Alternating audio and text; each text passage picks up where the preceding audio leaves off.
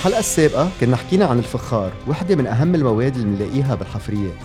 اليوم رح نستقبل دكتور مها المصري اختصاصية بالفخار ومحاضرة بالجامعة اللبنانية. رح تخبرنا أكثر عن صناعة الفخار وأهمية هيدي المادة بالحفريات وعلم الآثار. أول شيء بنحب نرحب بكل انضموا لنا بالحلقة 21 من أركيونس آه كيفك رالدا؟ أنا منيحة أنت كيفك؟ منيح. آه مثل ما قلنا اليوم عنا ضيفة. مزبوط عنا دكتور مها المصري يلي هي معنا محاضرة بالجامعة اللبنانية كيفك دكتور؟ الحمد لله. أول شيء صباح الخير. أه، بشجعكم على هالفكرة الحلوة اللي فعلا حتوصل لعدد كبير من الأفراد اللي نحن بحاجة إنه نوعيهم على أهمية الآثار ونحن بنشكرك كمان إنه لبيت الدعوة. شكرا لكم. نحن أول شيء قبل ما نبلش بالحلقة ونغوص بالموضوع تبعنا بس عبالنا إنك تعرفينا شوي عن حالك عن حالك عن مسيرتك. وكيف قررتي تعملي الاثار كيف قررتي تفوتي على هذا المجال؟ أوكي. أنا مبدئيا مثل ما بتعرفوا دكتورة بالجامعة اللبنانيه أستاذة محاضرة. بلشت بمسار الآثار بالتسعينات. يعني كنا نحن أول ما بعدها خلص الحرب الأهلية وفتحت علينا آه، أسواق العمل إذا بدكم أو التدريب بالأرض. فكانت الفرصة لنا أنه نحن آه، نكون من الأوائل الخريجين اللي نزلوا على center بيروت واشتغلوا فيه ونقبوا وحفروا وعرفوا شو هن الأدوات أو اللقة الأثرية على المضبوط. أما كيف بلشت أو شغفي بهيدا الموضوع فهو كان آه، من أنا وصغيرة كنت أحب كثير ألعب بالتراب. فكانوا أهلي يعني يعيطوا لي آه، مثل آه، إنه بس يشوفوني إنه شو عم تعملي؟ بقول لهم أنا عم بكتشف أمور بالأرض. عم بحفر هالتراب عم بحط بقلبها خبي لعبة بقلبها وارجع شيلها بعدين أو ابني حجارة لبين إنه في حواليها حدود وقصص من هالنوع. من هون بلش الشغف. بعدين كان عندنا صورة بالبيت. بابا كان معلقة بالصالون فهي صورة كانت لأعمدة معبد جوبيتر فكنت دائما أتأملها. وكانت فرحتي كتير كبيرة لما بابا يعملنا مشوار عند عمتي كانت عمتي ساكنة بعلبك بمدينة بعلبك وكان بيتها مواجه للمعابد. فكان بابا يقول لنا يلا تعالوا نشوف القلعة لأنه التعبير الخطأ اللي كان. ولكن كنا كانت فرحة كبيرة لإلي لما أروح لهي المنطقة وشوف الأعمدة عن قرب وشوف المعابد مثل ما هي وتأمل بالزخارف وغيرها من هالأمور. وهيك بلشت آه، مسيرتي. من أنا وصغيرة. أنا هي أحلى قصه سمعتها لهلأ لأنه آه إنه حلو هيك من الطفولة يعني واحد هيك يا إنه هيدا اكتشاف هيك إنه مش حدا قال لك في آثار لا إنه أنت مثل كانه بالفطرة. بالفطرة اكزاكتلي بس أنا عندي شغلة إنه وقتها صارت جدية الخبرية بدك تعملي آثار. بنعرف إنه هيدا الاختصاص دائما بنقول إنه مش كل الناس بيعرفون اجمالا الناس بيحبوا يعملوا مهندسين أو بيعملوا اشياء ثانية أو أطباء مثلا. شو كانت ردة الفعل العائلة؟ ردة فعل العائلة. بداية بابا أكيد كان مصر إني أنا أدخل شيء علمي لأنه كل إخواتي كانوا علمي أطباء. آه، من هيدا المنحى. فأنا لا كنت شوي غير عن إخواتي. آه، دخلت أدبي يعني منحى أدبي آه، بالمدرسة. ولما وصلت للجامعة ما في عندك مجال غير تفوتي ليتراتور بدك تفوتي شيء أدب فرنسي مثلا. آه، فكانت هون الصراع إذا بدكم إنه بين إنه أنا روح على الشيء اللي أنا بحبه وما كان عندنا وعي إنه في أساسا آثار بالجامعة اللبنانية. كمان هيدي نقطة لازم نضوي عليها ما كان عندنا علم. يعني نروح على الجامعة يقولوا لنا إنه في تاريخ آه، في جغرافيا في علم نفس ونوقف عند هيدي الحدود. ما حدا يقول في شيء اسمه فنون وأثر. ففتت أول أسبوعين على الأدب الفرنسي بكل آه، يعني مثل ما بيقولوا إنه غصبا عني خلينا نقولها بالطريقة الدارجة. آه، بعد فترة من بالصدفة آه، عرفنا إنه في شيء فنون وآثار. كنا شي خمس صبايا مسجلين بالأدب الفرنسي. نقلنا دفعة وحدة على الآثار. آه. كفينا. هلأ أكيد ما كانت صعبة إنك تجي تقول للأهل يعني إنه أنا فت على أساس شيء وبدي كفي شيء ثاني فكانت صعوبة كتير قوية. بس ولكن قدرت إني خبرهم. بعد ما قبل الامتحانات بشوي إنه أنا عم تابع بالفنون والآثار وبلشت مسيرتي رجعت فعلا العلمية واقتنعوا بالفكرة إنه خلص يعني حطيتهم قدام أمر واقع يعني في في امتحانات في نتائج في علامات وكانت هيك البداية. آه، حكينا بالحلقة الماضية عن أهمية الفخار بالحفريات. آه، فيك تخبرينا شوي عن هذه الصناعة؟ كيف تطورت وكيف بلشت بالتاريخ لو وصلنا لعصور بعدين متقدمة؟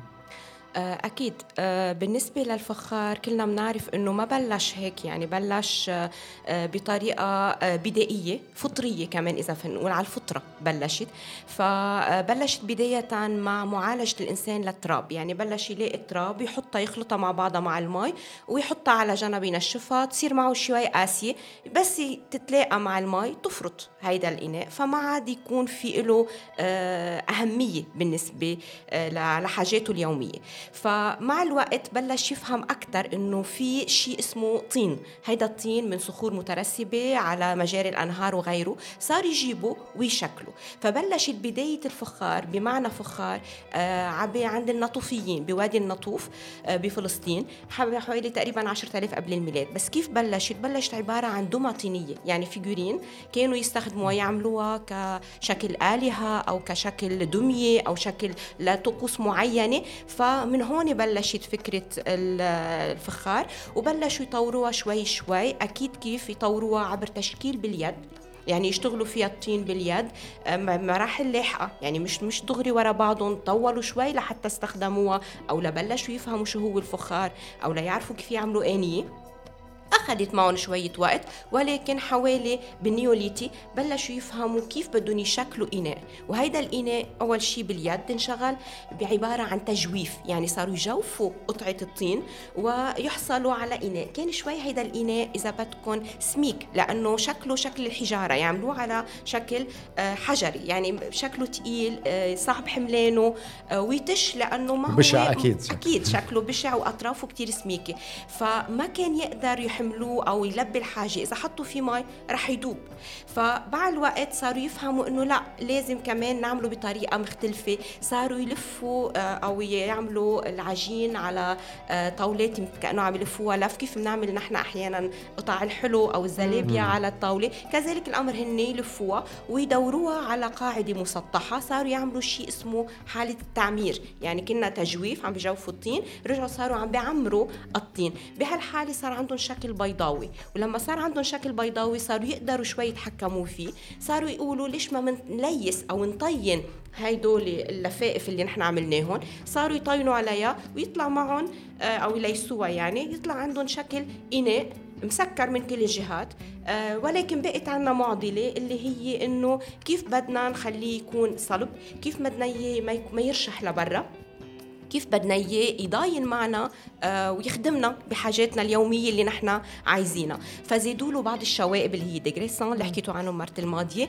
زيدوا لهم بعض الشوائب آه وبعض الملونات والاكسيدات المعينة. وصاروا كمان آه ياخذ مثل ممسك يعني يصير متماسك أكثر وبالنهاية وصلوا لشيء يحطوا قش من الخارج أو سلة ويعمروا عليها حتى كمان يحطوا الطينه عليها ويشوا أو يمرقوا حريق يحرقوا هيدول القش كيف إنه يولعوا؟ آه بالصدفة بالصدفة. كمان معرفة كمان آه. الصدفة لها لها تأثير كبير مثل ما عرفوا النار بالصدفة. كمان عرفوا إنه إذا حرقوا هيدول القش رح ي... رح ي... رح يروحوا ويبقى شكل الآنية. فاكتشفوا إنه بحرقهم لها عملوا شغلتين خلصوا من القش اللي حواليها أو من السله اللي كانوا واضعينها ومعمرين عليها وبالتالي عرفوا إنه أخذ اكتسب هيدا الفخار صلابة.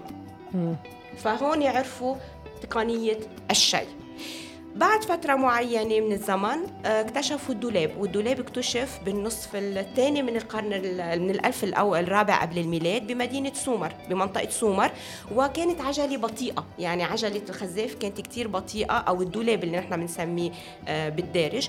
فهيدا آه، الدولاب ساعد كتير وساهم كتير كتير بالإنتاج. يعني صحيح كان الإنتاج بطيء بس ولكن بلش يصير في نوع من التجارة إذا بدكم. صاروا ينتجوا وبالتالي يصدروا وكمان هن بالتالي لما يصدروا صاروا يستوردوا. فالدولاب ساعد كتير كمان على تطور آه، صناعة الفخار. وبعدين اجى عنا كمان القالب. يعني قدروا حفروا آه، قوالب عملوا لها ديزاينات معينة أو آه، آه، حفروا عليها نقوش نافرة أو بارزة وكانوا يوضعوا بقلب العجينة بطريقة ضغط يضغطوا على العجينة على أطراف هيدا القالب أو يحطوه على الدولاب كمان ويبرموه فبهالحالة كمان صار في عنا أواني مزخرفة بالقالب أو مصنوعة بالقالب. فإذا هن ثلاث مراحل لعملية التصنيع اليدوي البدائي والدولاب ولاحقا القوالب. القوالب اللي آه، أعطت كمان كمية كبيرة من الإنتاج. بس فينا نقول شغلة يعني حكيتها بال 10000 سنة يعني قبل هالفترة كلها بنحكي مئات ألوف السنين كان ما لحديت هلأ دائما بنقول بالاركيولوجي لأنه ممكن نكتشف شيء بعدين. بس إنه لحديت هلأ ما بنعرف إذا لا. خطرت براسهم الفكرة أو الصدفة شاءت إنه يقدروا يصنعوا بس ل 10000 سنة قدروا يعملوها لأول مرة. الاكتشاف أوه. الأول الأولي كان هو وين صار؟ بفلسطين بوادي النطوف. وقلنا إنه كانوا عبارة عن دمى. بس أكيد الدمى ما وقفت يعني إيه. اكتشفوا الأواني ولكن الدمى استمرت لأنه في لها استخدامات أخرى. بس هون عندي سؤال إنه هو آه ما بعرف بلكي أنا كنت فهمانة إنه هو اختراع الفخار هو ناتج عن حاجة معينة لكن بالأول عملوا دمى. إذا بعدنا لهلأ بنقول إنه هن عملوا دمى ما بنعرف شو بعدين مثل ما قال بنكتشف ولكن ما عملوا أشياء بيستعملوها بالحياة اليومية. صح سؤالك كتير حلو. ليه؟ لأنه بضوي على ناحية الطقوس. الدينية مم. اللي كانوا يعملوها بهيداك الوقت. كان عندهم عقيدة كانوا عم بيدوروا على ديانة كانوا عم بيدوروا على آه، حاجة معينة لهم هي الإيمان. بدهم إله قدامهم يجسدوه. فبهالطريقة بلشوا بقصة الدمى الطينية قبل حاجاتهم اللي استخدموها يعني. عبر الحاجة. شو هن؟ شو حاجتهم؟ بس قبل حاجاتهم قبل الحاجات اليومية يعني قبل ما نقول إنه بدي صحن وطنجرة أو شيء لأنه كان في الحجر موجود. موجود. كان أوكي. في الحجر موجود. كان في الجلد موجود. كانوا يستخدموا قربة الماء يعبوا الجلد. فإذا كان عندهم هيدي القناعة إنه هن مقتنعين عنا الحجر بنحمله معلي مجوف وهيك كبير بنحمله وبناخده معنا على النهر لنعبي مي ف ما كان بعد في آه، إذا بدك فهم أكثر بس مع بداية الاستقرار ما هي في كمان عندك ال الحالة الاجتماعية اللي كانت موجودة أو السائدة بالمجتمع. فمع بداية الاستقرار ووعيهم بالأول كانوا يلقطوا الأكل عن الشجر. شجر مزبوط فكان عندهم الصيد بعدين طوروا للصيد. بعدين صاروا يفكروا إنه نحن بدنا زراعة. مع تطور وصولهم للزراعة صاروا يفهموا إنه بدهم أواني أخف لهم ليوضعوا فيها البذور لحتى يقدروا يحصدوا المحصول فإذا من هون بلشوا يتطوروا. يعني من الحالة البداوه اللي كانوا عايشين فيها الالتقاط الصيد وصولا للحياة اللي هي متطورة نوعا ما الزراعة. والزراعة بده يرافقها صناعة والصناعة بده يرافقها تجارة. فهيدا المبدأ. آه، أنا بس بدي أرجع شوي على الاختصاص اللي أنت عملتيه، أنت سيرامولوج يعني عالم فخار، إذا بدنا بعلم الأثار شو هو العمل اللي بتعملوه؟ شو الشغل اللي بتعملوه؟ وأكيد شو بيضيف لنا لأنه هو بده يضيف لنا معلومات على العلم الأثار. فإذا هيك فيك تخبرينا شوي عن هذا الاختصاص. آه طبعا آه علم دراسه الفخار آه يعنى بكل شيء اسمه آه كسر فخارية بنلاقيها آه، بالأرض بالمواقع الأثرية. آه، وبما إنه الفخار هو مادة شائعة كثير يعني شائعة جدا أكثر شيء بنلاقيها بالحفريات. آه، فهي أكثر شيء تعنى بالحياة الاجتماعية. يعني بتعطينا دليل كثير كبير على الحياة الاجتماعية. من هذا المنطلق نحن ممكن نلاقي الكسر بقلب الحف يعني الفخار عفوا ككسر بقلب الحفرية وممكن نلاقيها كقطع كاملة كمان بقلب الحفرية. وبالنتيجه اثنيناتهم حيعطونا دلائل على آه، حالة الاستيطان اللي كانت موجودة آه، بالمجتمع أو بالمناطق السكنية اللي كانوا ساكنين العالم. يا حدلنا هيدي القطع يعني نحن كدراستنا من شو عشو بنهدف بدراستنا؟ بنهدف لمعرفة آه، شو كان الهدف من استخدام هيدا الكسر الفخارية أو القطع الكاملة؟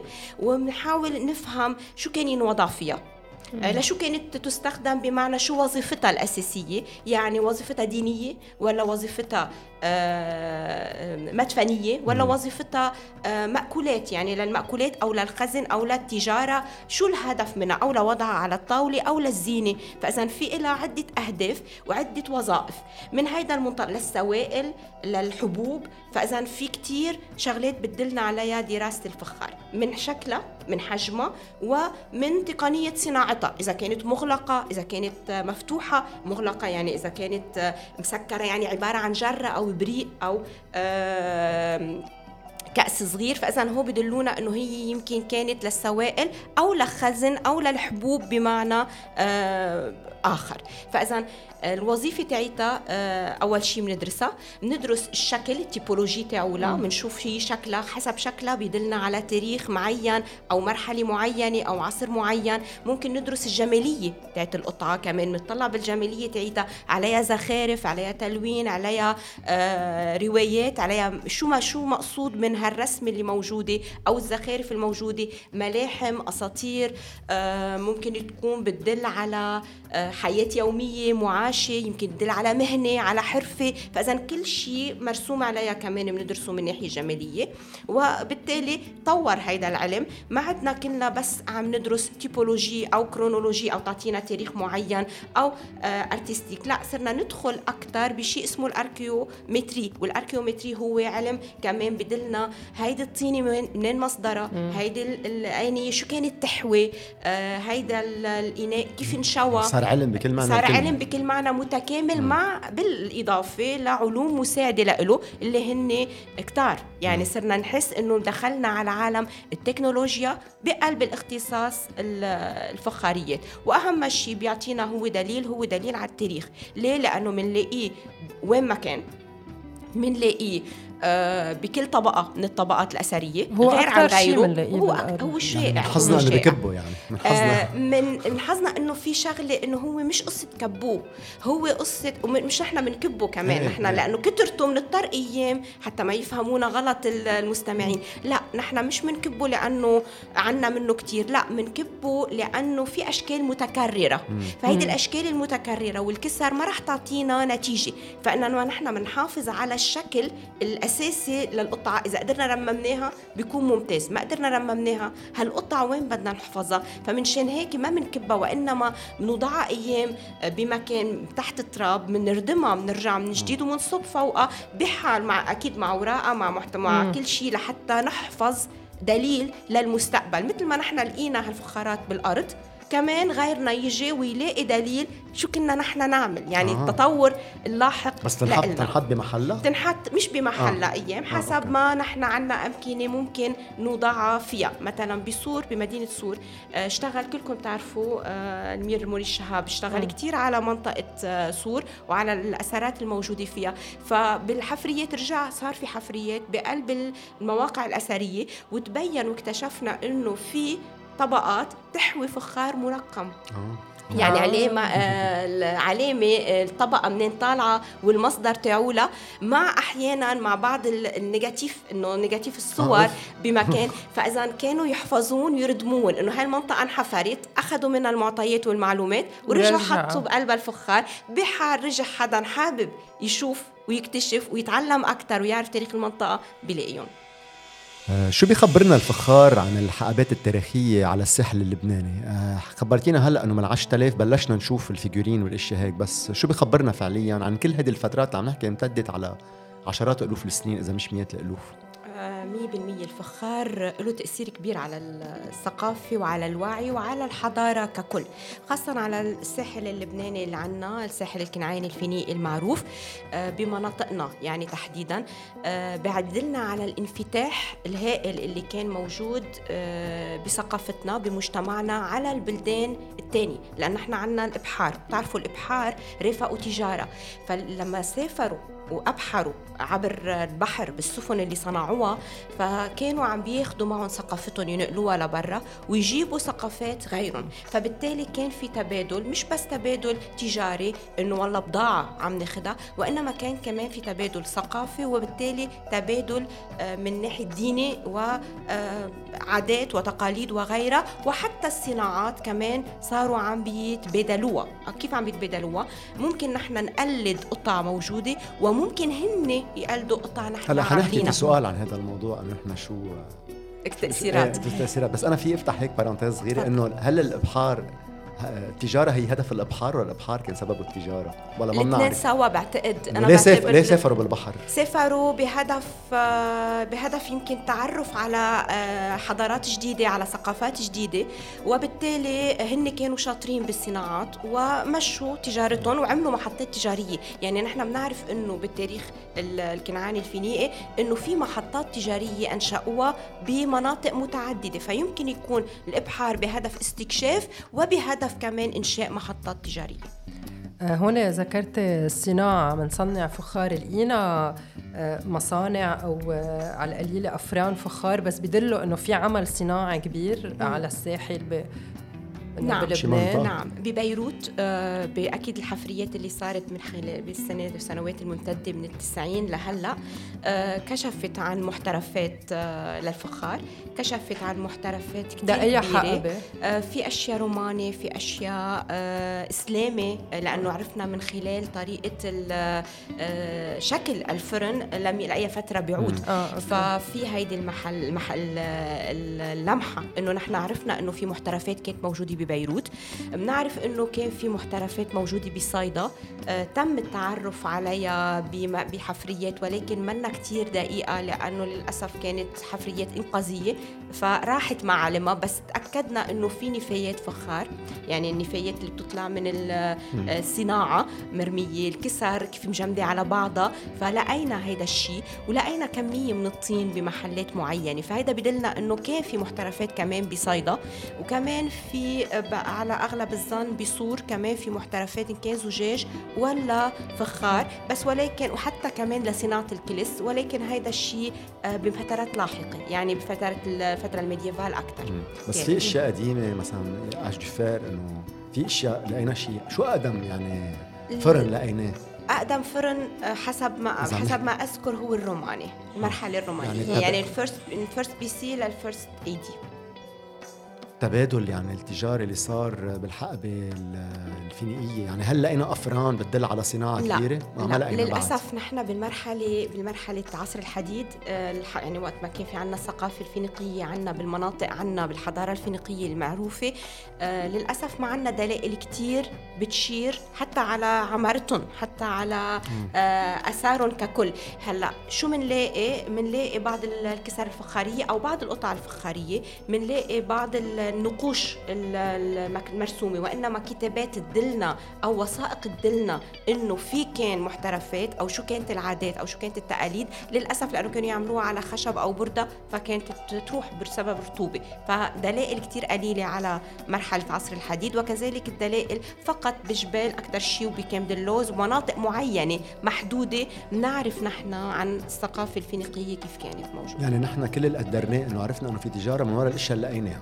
يعني التجارة وراء الفخار. الفخار. يعني ال typologie تبعوته صح 100% بالنسبة لا إذا في عنا type معين نحن آه، موجود بمناطقنا إيه في عنا type معين اللي هو الجرة الكنعانية المشهورة اللي هي إلى الكتاف المشطوبة والجسد ال- البيضاوي نوعا ما أو بشكل شكل جزره إذا بدكم فهيدا هو الشكل التيبيك. واللي انتقل واللي صار متعارف عليه وتنقل عبر التجارة لبرا. يعني صار معروف برا عبر التجارة. وحتى بنشوفه هيدا الشكل موج مرسوم على بعض الجدران ال- المعابد بمصر. فاذا يعني بدلنا إنه كان في تجارة. والتجارة كانت واسعة على صعيد مع مصر مع مع مع اليونان مع قبرص مع عدة مناطق وبتعرفوا الانفتاح اللي صار وبناء المستعمرات كمان ساعد بقرطاج. بين عنا كتير أشكال مشابهة كتير بمناطقنا نحن للشرق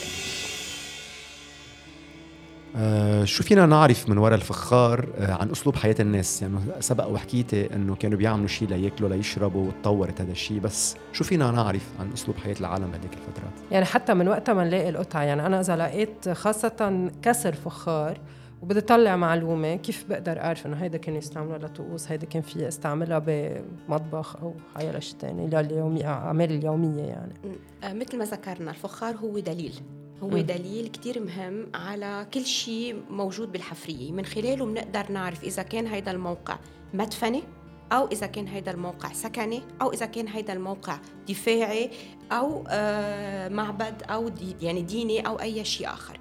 فالكسرة أحيانا بتعطينا كتير آه، معلومات وأحيانا ما بتعطينا شيء حسب الكونتكست اللي بنلاقيه فيه أو حسب الحالة اللي بنلاقيها فيها. فبدلنا أكيد الفخار على آه، الحياة اليومية على استخدامهم لها على وظيفتها بهيدي الحياة أو المجتمع اللي عايش فيه.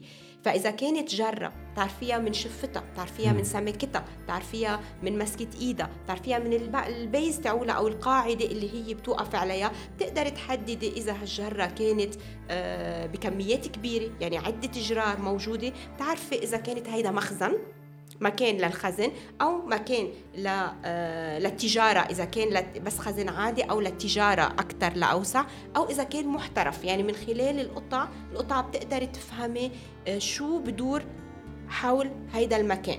إذا كانت موجودة بمدفن حيستخدموا جرار. بس الكمية الأكبر اللي حيستخدموها حيستخدموا يمكن آه، آه، صحون أو أواني أصغر. ليش؟ لأنه يمكن بده يستخدمهم بالحياة الثانية إنه عندهم هدف آخر. بس احتمال كبير إنه يكونوا مستخدمينهم بالطقوس الدينية اللي صارت أو المدفنية اللي صارت حوالين القبر. يعني أنا لما جيت غسلت المتوفى غسلته نظفته حطيت له آه، روائح عطور, عطور وغيرها مرغته بالزيوت المعطرة. فإذا أنا هون في إلى أواني كل شغلة إلى انيه معينة. هيدي الانيه ما رح رجعها معي لحتى ما أجيب الروح معي على البيت. رح إكسرها على القبر واتركها مكانها. فمشان هيك نحن بنلاقي بحالة المدافن ما بنلاقي كميات كبيرة أيام بقلب القبر أو أو أو بنلاقي كميات أو ما بنلاقي حسب الظرف اللي هو فيه أو حسب المرحلة أو العصر اللي فيه. ولكن بنلاقي كسر كثيره مستخدمة بالطقوس المدفنية اللي صايرة حوالين القبر. يعني ممكن يكون ال ال الوليمة ممكن يكون شرب النبيذ على على الروح المتوفي ممكن تكون الذكرى السنوية. فإذا حسب الحالات هول كلهم الصحون ما بيرجعوا معهم على بيوتهم بيتكسروا فوق القبر. والأشياء اللي بيلاقوها بقلب القبر هي نتيجة إنه هذا الإنسان بده يستخدمها بالحياة الثانية أنا عندي سؤال هون إنه بنعرف إنه المصريين كان عندهم هيدي العادة إنه عندهم شكل الفخار على صورة آلهة معينين كانوا وقتها يستأصلوا الأعضاء كانوا يحطوها. صح. هل نحن مع لأنه هن قبلنا بكتير. هل معقول نحن أخذنا هالعادة من وراء المصريين؟ بنعرف هذه المعلومة هلا إنه هل معقول أخذناها منهم؟ لا لأنه هناك كان عندهم آه، أربع أربع أواني. م. آه، كل إناء يحوي شيء معين بقلب الكانوب بسموها. كل إناء يحوي شيء معين. شيء بيحوي الأحشاء شيء بيحوي القلب شيء بيحوي يعني متعدد. آه، ما بعتقد نحن لما كنا نلاقي خاصة بالمرحلة العصر الحديد أو مع الثقافة الفينيقية ما لقينا آه, آه، ما لقينا أربعة لقينا إناءين. بقلب القبر وهيدا بحفرية بصيدا. لقينا إناءين بقلب القبر المعمر يعني قبر معمرينه.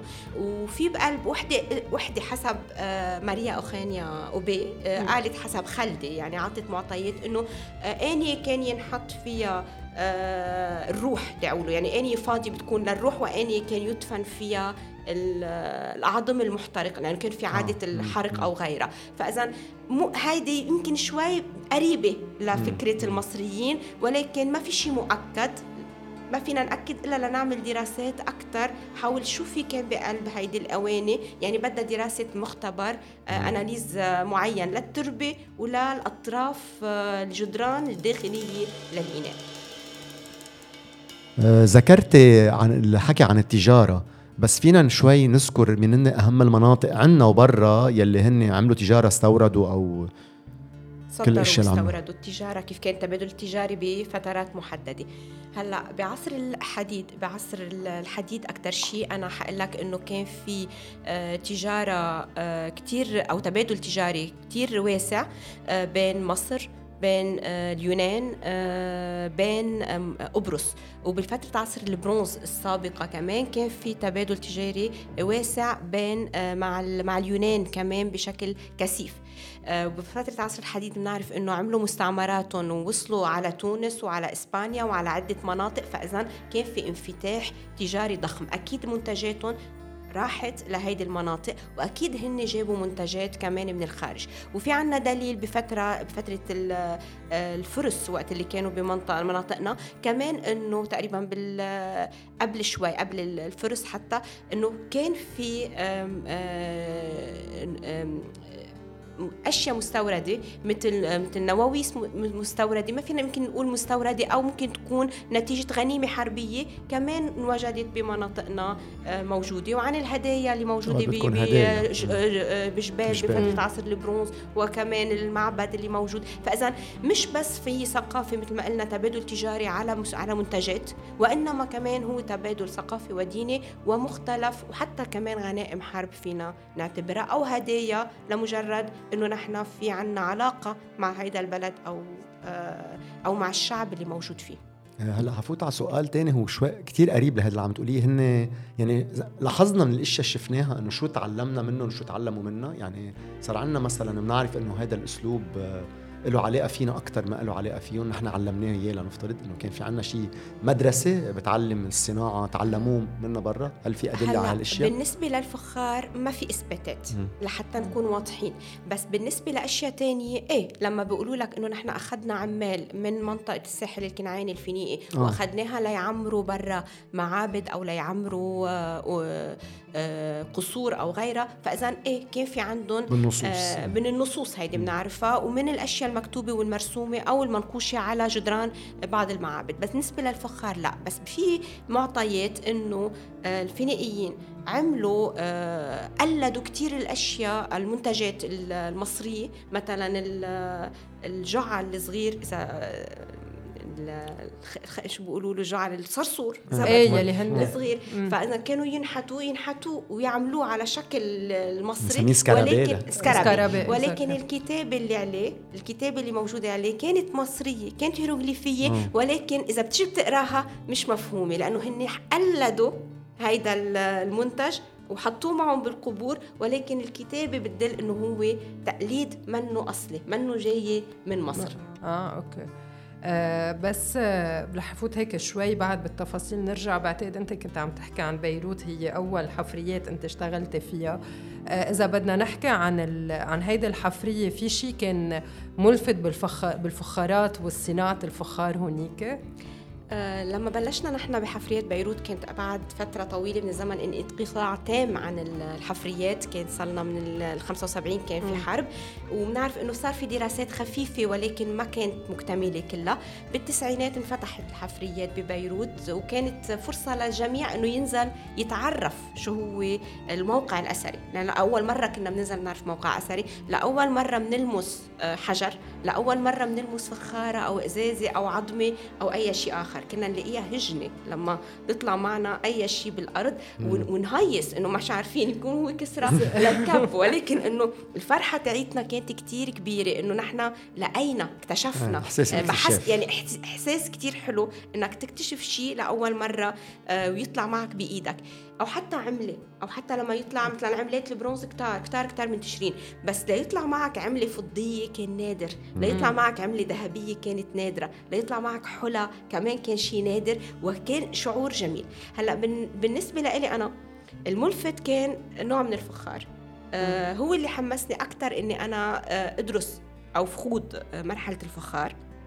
ودراسة الفخار هو ترس جلاتات يعني لقيت نوع من الأواني الموجودة لونها أحمر لامع جدا آه، طينتها صافية نقية لونها أيام بتكون زهري أيام بتكون اللون الطيني بيضة ولكن اللون اللامع الأحمر اللي اللي كانت ملونة فيه أو المطلية فيه كان جاذب لإلي وأشكالها كانت كتير متعددة. يعني نفس نفس اللون عم لاقيه ولكن في له أشكال مختلفة. هيدا اللي خلاني شوي أنا يمكن اتخصص بال بال بال بالفخاريات.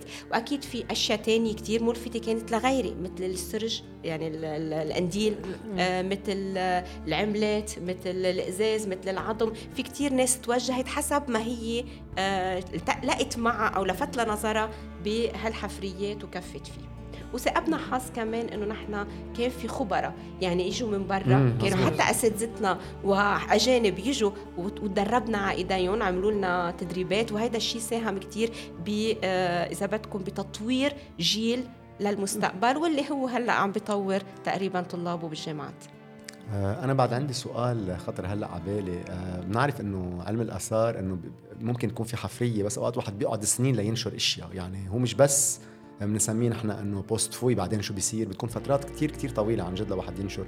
آه، شخصيا شو بتفضلي؟ يعني إنه بنعرف شغف الاكتشاف إنه واحد يلاقي شيء ويكون على الأرض. في ناس بتحب تكون موجودة بالأوضة عم عم تعمل أبحاث. بقى شو بتفضلي؟ شغف الأرض ولا إنه تكوني عم تعملي الدراسة اللي هي إنه برات الأرض. آه، سؤالك عن جد حلو. وسؤالك بي بيعنيني شوي يعني بمس من من الداخل مثل ما بيقولوا. آه، أنا شغفي الأساسي هو أكيد الحفر. آه، بس الدراسات الحفر من دون دراسة مزبوط ما بيكتمل. مم. يعني أكيد بدك تحفر بدك تطلع نتائج بدك تنشرها. ليه؟ لأنه نحن بحالة تطور دائم. إذا نحن مشينا سنة أهملنا سنتين ثلاثة أربعة أخذنا وقتنا غيرنا عم بينشر بشكل سريع ودائم. وخاصة نحن بصراع حوالينا. يعني كل الدول بتلاقي إنه عم بيتسارعوا مزبوط. للنشر. يمكن في إمكانيات أكثر من بلدنا. بس النشر قد ما هو مهم إنه نحن نحفر على قد ما هو إنه نحن كمان ننشر. بقدر المستطاع بظروفنا بأوقاتنا حسب أوقاتنا. لأنه كلنا عنا أشغالنا ومضغوطين والحالة الاقتصادية حوالينا. ولكن آه، حفرية. وكشف من ونتائج من دون نشر ما لها عازه إيه لأنه هو للأسف بيروحوا المعلومات مع الوقت. يعني إذا ما نشروا أكيد. بتروح كأنه ما وجدت يعني. كأنه ما انوجدت. كأنه ما انوجدت. وخسرناها. وخسرناها وف... وبالتالي ما كأنك عملتي شيء. يعني بالنهاية أنت حفرتي وانبسطتي وعندك هالمعلومات آه. والمعطيات ولكن غيرك ما اطلع عليها. فإذا شو شو الهدف منها؟ ماشي لأنه دائما بيقولوا الناس إنه اف مثلا بتحفروا ثلاث أشهر أو موسم طيب شو بتعملوا بباقي الوقت هلأ نحن وقت واحد يكون كطلاب إنه بس إنه حدا عم يشتغل كعالم إنه عنده وقت كثير يقدر يشتغل كل الوقت يكون عم يعمل آه، أبحاث 100% يعني. بس ما تنسى إنه هيدا العالم كمان عنده واجبات أخرى مزبوط. يعني مزبوط. عنده يمكن عائلة عنده شغل عنده عمل خاصة إذا عم بيعلم من بلد مثل لبنان هذا بياخذ كثير وقت يعني بياخذ وقت وبياخذ مجهود مجهود, مجهود. بنحب آه، نتشكرك عن جد على هالمقابلة بتعلق أنا شخصيا تعلمت كثير إشياء ما كنت أعرفها. أنا آه كمان كانت حلقة كثير لذيذة وسلسه والمعلومات كانوا بطريقة كثير سلسه وأنا بتشكر كتير. بتشكركم على آه، حسن مثل ما بيقولوا الكلام وحسن الأسئلة. يعني هيدا أنا استمتعت كمان بالحوار معكم. وبنتمنى كمان يكونوا كل المستمعين إن شاء الله. سمعوا لنا. وهلأ بنكون وصلنا لنهاية الحلقة. آه، أنا بحب أتشكر كل الناس اللي عم يدعمونا من دكاترة وزملائنا الطلاب. آه، وبنشكر كمان استوديو روتو فيلمز. صرنا زمان مش شاكرينه على الاستضافة. مرة بالشهر كرمال نسجل. عندك شيء رندا بدك تقولي؟ لا آه كانت حلقة برجع بقول كانت حلقة كتير حلوة وما تنسوا تتابعونا على فيسبوك وإنستغرام وتويتر @اركيوناس بنشوفكم الشهر الجاي. bye, bye. bye.